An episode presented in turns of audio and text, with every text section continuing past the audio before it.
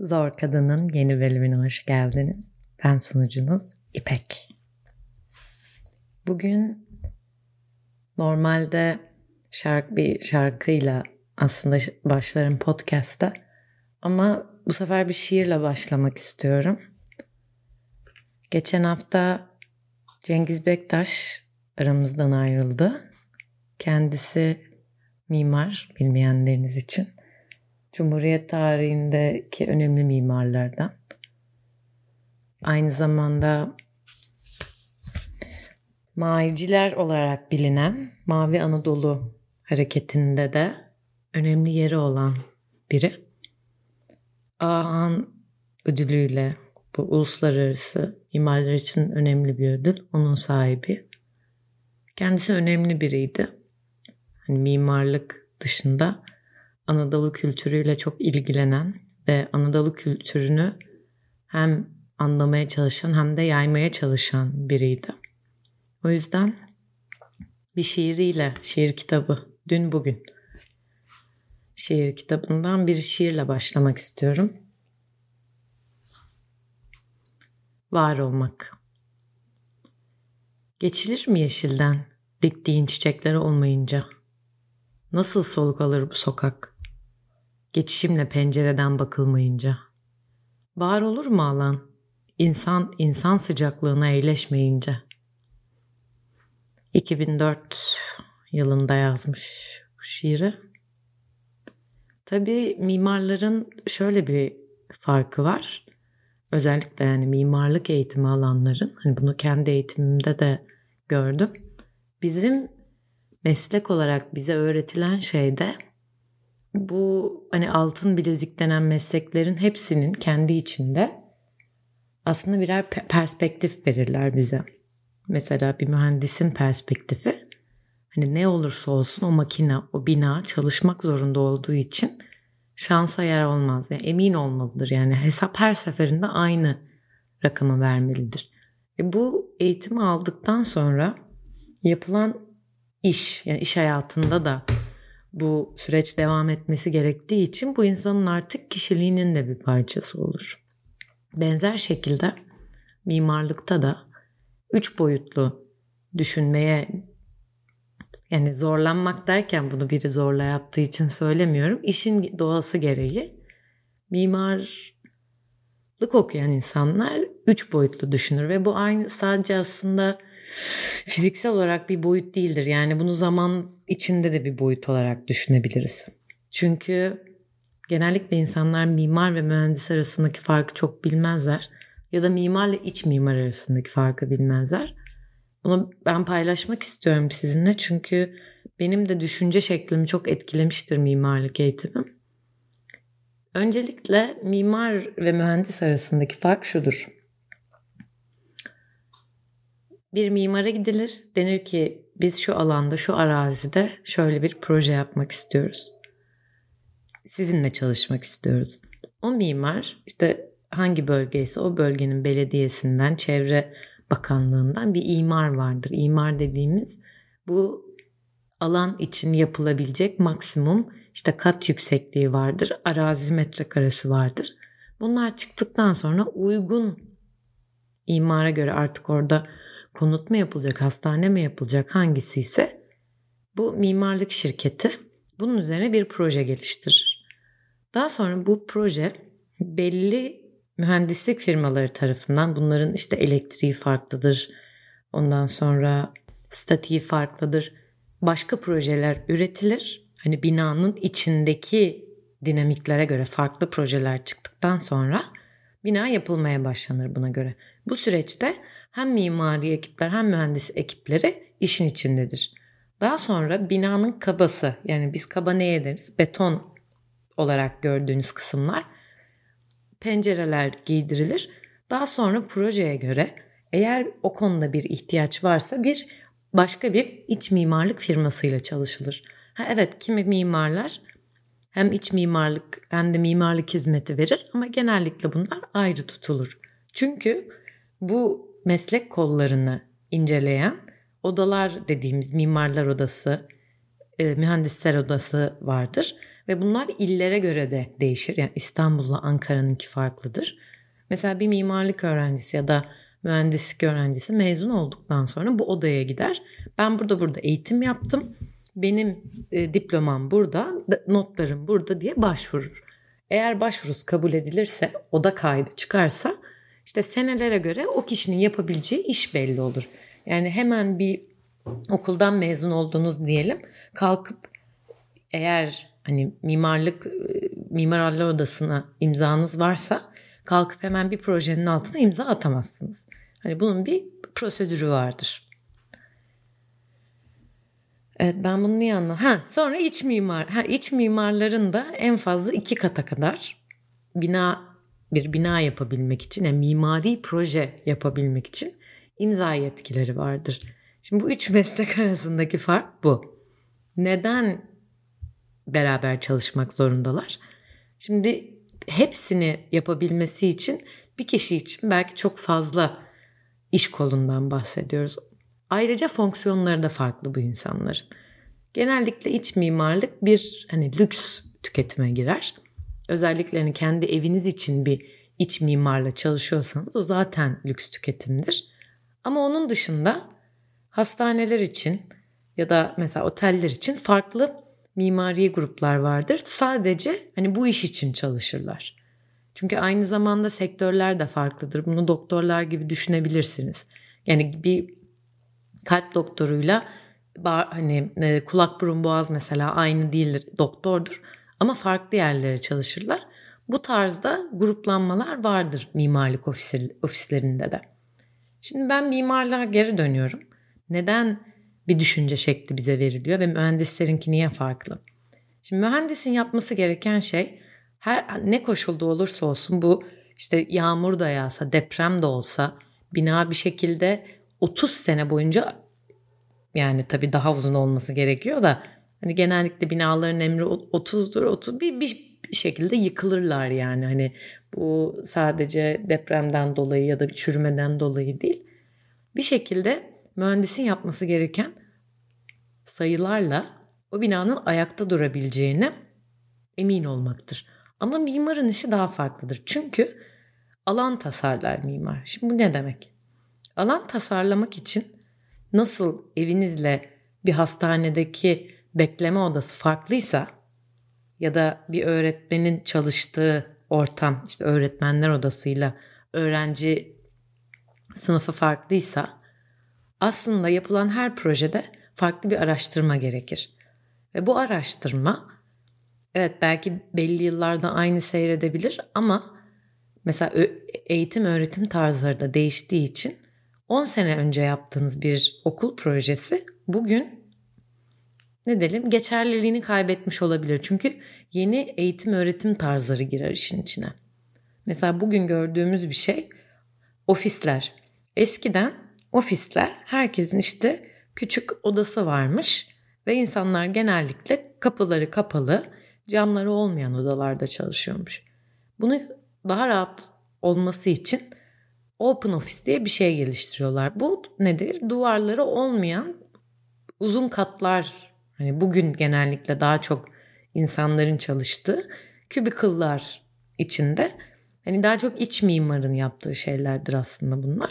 İç mimarların tasarladığı kübikıllarda duvarı olmayan hani insanların daha rahat belki takım işi için çalışabildikleri daha ferah hissettiren alanlar çıkar. İkisi de ofis ama zaman içinde ihtiyaçlar değiştiği için işin fonksiyonu da değişiyor. Bu sebepten dolayı da hani mimarın oradaki değişikliği farkına varması gerekiyor. Ya mimarın iş, mimarlık bence bu yüzden zaten çok keyifli. Öncesinde kesinlikle bir araştırma yapmanız gerekiyor alanla ilgili. O bölgede kim yaşıyor? Neden yaşıyor? İşte evli mi, çocuklu mu? Ya da daha sonrasında eğitim durumu ne? Sosyal ve ekonomik olarak mesela nerelerden alışveriş yapıyor? Oraya yapacağınız yatırımın böyle düşünebilirsiniz. Yatırımın doğru kişiyle buluşması için yani başarılı bir proje olması için mutlaka ve mutlaka ihtiyaç olanla bunu yani daha sonra burada yaşayacak insanların ihtiyaçlarını birleştirmek gerekiyor. Bunun için de o alanın hem öncesini bilmek hem şu an ihtiyacı olan şeyi görmek hem de bundan sonrasında ne olacağını görmek gerekiyor. Şimdi üç boyutlu düşünmek derken aslında bundan bahsediyordum. Öncelikle bir alanda daha önce görmediğiniz bir şeyi hayal ediyorsunuz, bir fonksiyon hayal ediyorsunuz. Daha sonrasında da oraya öyle bir hikaye yazıyorsunuz ki yani bugünkü ihtiyaçlara göre ve mesela biz bu araziye bir ne yaptığımızı düşünelim, okul yaptığımızı düşünelim. Belki orada eğitim anlamında bir eksiklik var ve buraya bir okul yapılacak. Şimdi buraya yaptığınız okulun aslında daha mimarlık projesinde eğer çocukların eğitimine katkı da bulunacak bir şekilde yaparsanız bu bir zincirleme ile şimdi öncelikle oradaki çocuklar daha iyi bir eğitim alacak demek. Aynı zamanda atıyorum okul güzel bir okul olduğu için orada daha öğretmenler öğretmenler orada eğitim vermek için daha hevesli olacaklar. Bir kere zaten siz yani o projede yaptığınız, duyduğunuz saygıdan ötürü orada yaşayan insanlar ayrı bir motive olacak. İkinci olarak şimdi o çocuklar evet birazcık uzun bir zamandan bahsediyorum ama daha sonra o çocuklar daha iyi bir eğitim aldığı için e bu bunu böyle hani ucuca hayal ettiğinizde aslında boyut olarak başka bir yer kazanıyor. Şimdi çok fazla uzatmak istemedim o yüzden kesiyorum. Şimdi biz şiirimize dönersek ben 10 dakikada bunu anlattım size. Tekrar okuyorum şiiri. İstediğim şey hem zaman anlamında düşünün. Dün, bugün, yarın. Aynı zamanda da fiziki olarak. Yani bir alan düşünmenizi istiyorum şiiri dinlerken. Geçilir mi yeşilden diktiğin çiçekler olmayınca? Nasıl sol kalır bu sokak? Geçişime pencereden bakılmayınca. Var olur mu alan? İnsan insan sıcaklığında eğleşmeyince. Yani aslında Cengiz Bey burada bize hem bir zamandan bahsediyor. Önceden ekilen çiçekler. Ben sokaktan geçerken birinin bana bakması ve insan yani bir insan alanın içinde, odanın içinde, tiyatro salonunun içinde, sinemanın içinde bir anlamı var mı yani? Bizim yaptığımız alanlar diyor aslında. Mimar insan için çalışır. Ve bu aslında Cengiz Bey'in ne kadar bu ma mae hareketine ne kadar bağlı olduğunu da gösteriyor. Çünkü humanist bir akımdır Anadolucular. Ve Türkiye'de hani çok az aslında ilgi gör, çok anlaşılmamışlardır. Aslında hani daha sık bahsedebiliriz belki. Çünkü çok bilindiğini düşünmüyorum mayecilerin. İnsana değer verirler. Yani her insan üzerinden yaşarlar. Ve zaten şu son dörtlük var olur mu alan insan insan sıcaklığında eğleşmeyince o aslında hani bu yapılan şeylerin bu bu binaların bu projelerin hepsinin aslında insan için olduğunu güzel özetliyor bence. Aynı zamanda da tabii hani var olmak diyor bunun da. Yani orada bir de çünkü insanın da var olması var. Yani insanın orada o anda olması gerekiyor. Yani etrafınızdakilere de belki bu şekilde bu gözle hani mimarlık eğitimi al, almayan biri için belki bunlar çok yeni ve farklı gelebilir. Ama mesela biz neredeyse önümüzdeki adıma bakmadan et böyle havaya bakarak gezeriz yani mesleki deformasyon bizdeki bu şekilde. Önce insanın hangi alanda olduğunu anlaması lazım. Çünkü alan size aynı zamanda nasıl davranmanız gerektiğiyle ilgili de fikir verir. Mesela biriyle tanışacaksınız, hiç tanımadığınız biri. Sizi davet ettiği kafeye ya da davet ettiği iş yerine gittiğinizde etrafınıza bakın. Alandan nerede olduğunuzu anla, an, anlayabilirsiniz. İpucuları vardır yani. Hani nasıl konuşmanız gerektiğine, hareketlerinize hani o şekilde samimi mi olmak lazım yoksa daha profesyonel mi olayım? kendim hakkında bir şey paylaşayım mı yoksa hani bu daha böyle iş hakkında konuşulacak bir şey mi tarzında önce alanı incelemeniz gerekiyor. Çünkü bunların hepsi aslında o yüzden yani mimarların çoğu hani bir ofis olacaksa mesela burası ya da ofisin spesifik katı olacaksa ona göre planlar. Hani bunlar da birazcık aslında hani birbirini tamamlayan şeylerdir aynı zamanda.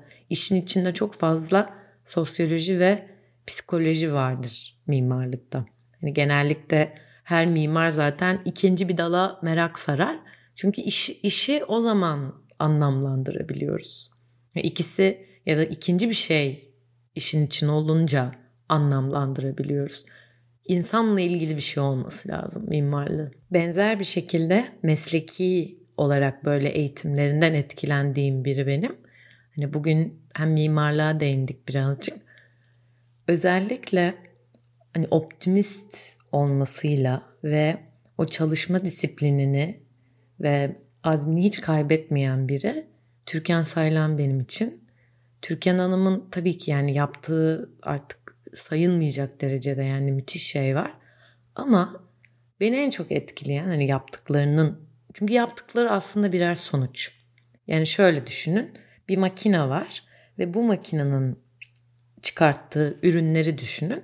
Teker teker farklı ürünlerle ilgilenmiyorum ben şu an. O makinenin ne kadar mükemmel hani hiç durmadan yani bir yeri bozulsa bile ya da biri bir şey yapsa bile o makinenin nasıl çalıştığından bahsediyorum ve bu, bu hani bahsettiğim şey bir makine bile değil yani bir insan çok daha hani kırılgan. Türkan Hanım da kendi mesleğiyle ilgili olan eğitimden şu şekilde bahsediyor.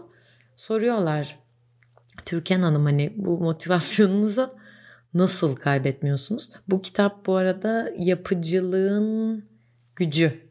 İpşiroğlu onun kitabında okumuştum. Söylediği şey şu. Biz diyor doktor yani doktora tıp eğitimi aldığımız için ve doktor olarak bize gelen diyor zaten hastadır. Zaten problemli bir şeyle başlıyoruz diyor. O yüzden yaptığımız şey yani bize hasta geldiği için moralimiz bozulmaz diyor. Biz zaten hani gelenin hasta olduğunu biliriz. Çok gülmüştüm onu okurken yani ne kadar doğru bir şey söylüyor. Ondan sonra hiç öyle düşünmemiştim yani doktorluğu. Zaten çok yüce bir meslek. Sonrasında hani hastalığın ne olduğunu bakarız. İkinci adımda bir tedavi geliştiririz diyor. Tedavi eğer olumlu yanıt veriyorsa çok güzel. Ama eğer hani olumlu vermiyorsa üçüncü adımda orada izleriz diyor. Üçüncü adımda başka bir tedavi uygularız. Şimdi böyle düşündüğün zaman bu beni çok etkiledi. Yani zaten olum, bir yerden olumsuz başlamaya kafa takmıyor yani. Müthiş bir şey bence. Hani daha önce hiçbir şeyle ilgili ben bu anlamda bu bir resmen bir felsefe çünkü. Yani bunu insan kendi hayatına adapte edebilirse yani mimarlıkta benzer bir şey var mı diye çok uzun süre düşündüm. Mesela bizde de zor araziler vardır. Yani boş bir alana hani etrafında hiçbir şey olmayan alana bir şey yapmak daha kolaydır. Hani programı çıkarırsın neye ihtiyaç var ne tarafta olması lazım. İşte kuzey cepheye bunlar koyulsun güneye bunlar koyulsun. Bu şekilde halledilebilir. Tabii şeylere falan hiç girmiyorum yani hani yeşil bina olaylarına hani günümüz için önemli olan. Ama hani programı bu şekilde çıkartabilirsin. Ama mesela Beyoğlu'nda ara sokakta bir tane cephesi olan bir bina çok daha zordur. Çünkü sen artık etrafındakilere göre yanıt vermeye başlarsın. Boş arazide zaten sana bir şey söyleyen yoktur. Ama etrafı do- dolu alanda sen etrafındaki şeylere cevap vererek o tasarımı çıkarır, çıkarırsın. Hani bizim için belki öyle bir şey söylenebilir. Ama hani Türkan Hanım'ın o düşünce şekli ve hiç yılmayışı çünkü hani en son gününe kadar neredeyse çalışmalarını sürdürmüş biri. O yüzden hani benim çok çok çok saygı duyduğum bir kere hani doktor olmasıyla en başta daha sonrasında da yani hiç durdurak bilmeden yani çalışmaya devam etmesi ki Cengiz Bektaş'la da tanışıyorlar bu arada bu mavi hareketinden. Oradaki eşinin adını hatırlayamıyorum şu an. Türkan Hanım'ın ikinci eşi. Bu Anadolu hareketindeki heykeltıraşlardan. Orada tanışıyorlar. Daha fazla bahsetmek isterim aslında.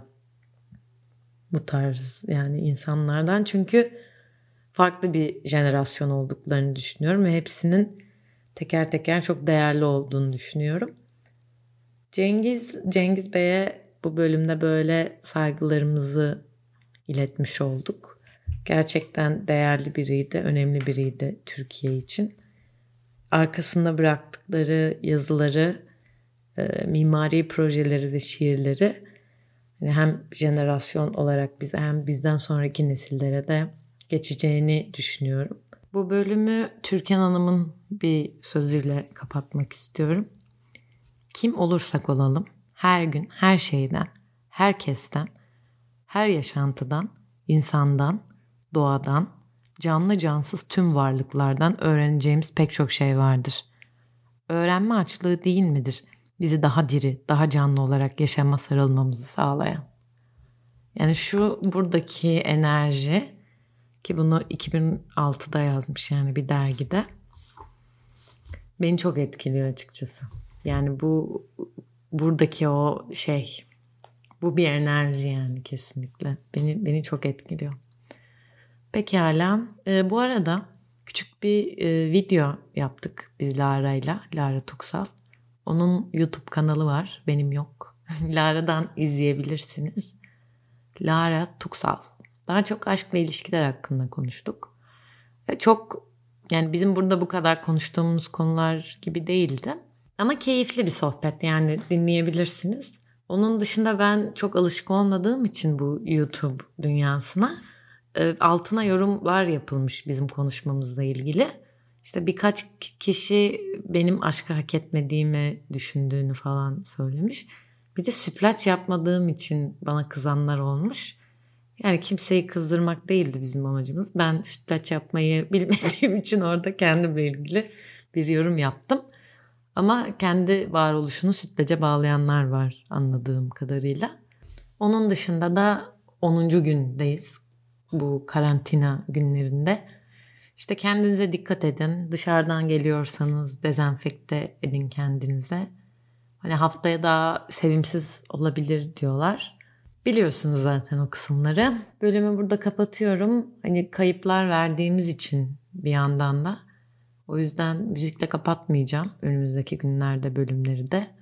Hani biraz da bilgi içerikli hani eğlenceden daha uzak olarak. Bugün de birazcık o yüzden hani meslekler hakkında özellikle hani tıp ve ne kadar hani önemli bir meslek olduğu onun hakkında biraz konuşmak istedim. Her ne kadar hani yarı yarıya eğlence, yarı yarıya hikaye anlatımı gibi de olsa hani çok böyle eğlenceli bir hale getirmek istemeden devam ettim. Yani devam etmek istedim. Başka bir bölümle büyük ihtimalle yine bu hafta görüşmek üzere. Kendinize iyi bakın. Moralinizi yüksek tutun. Bir sonraki bölümde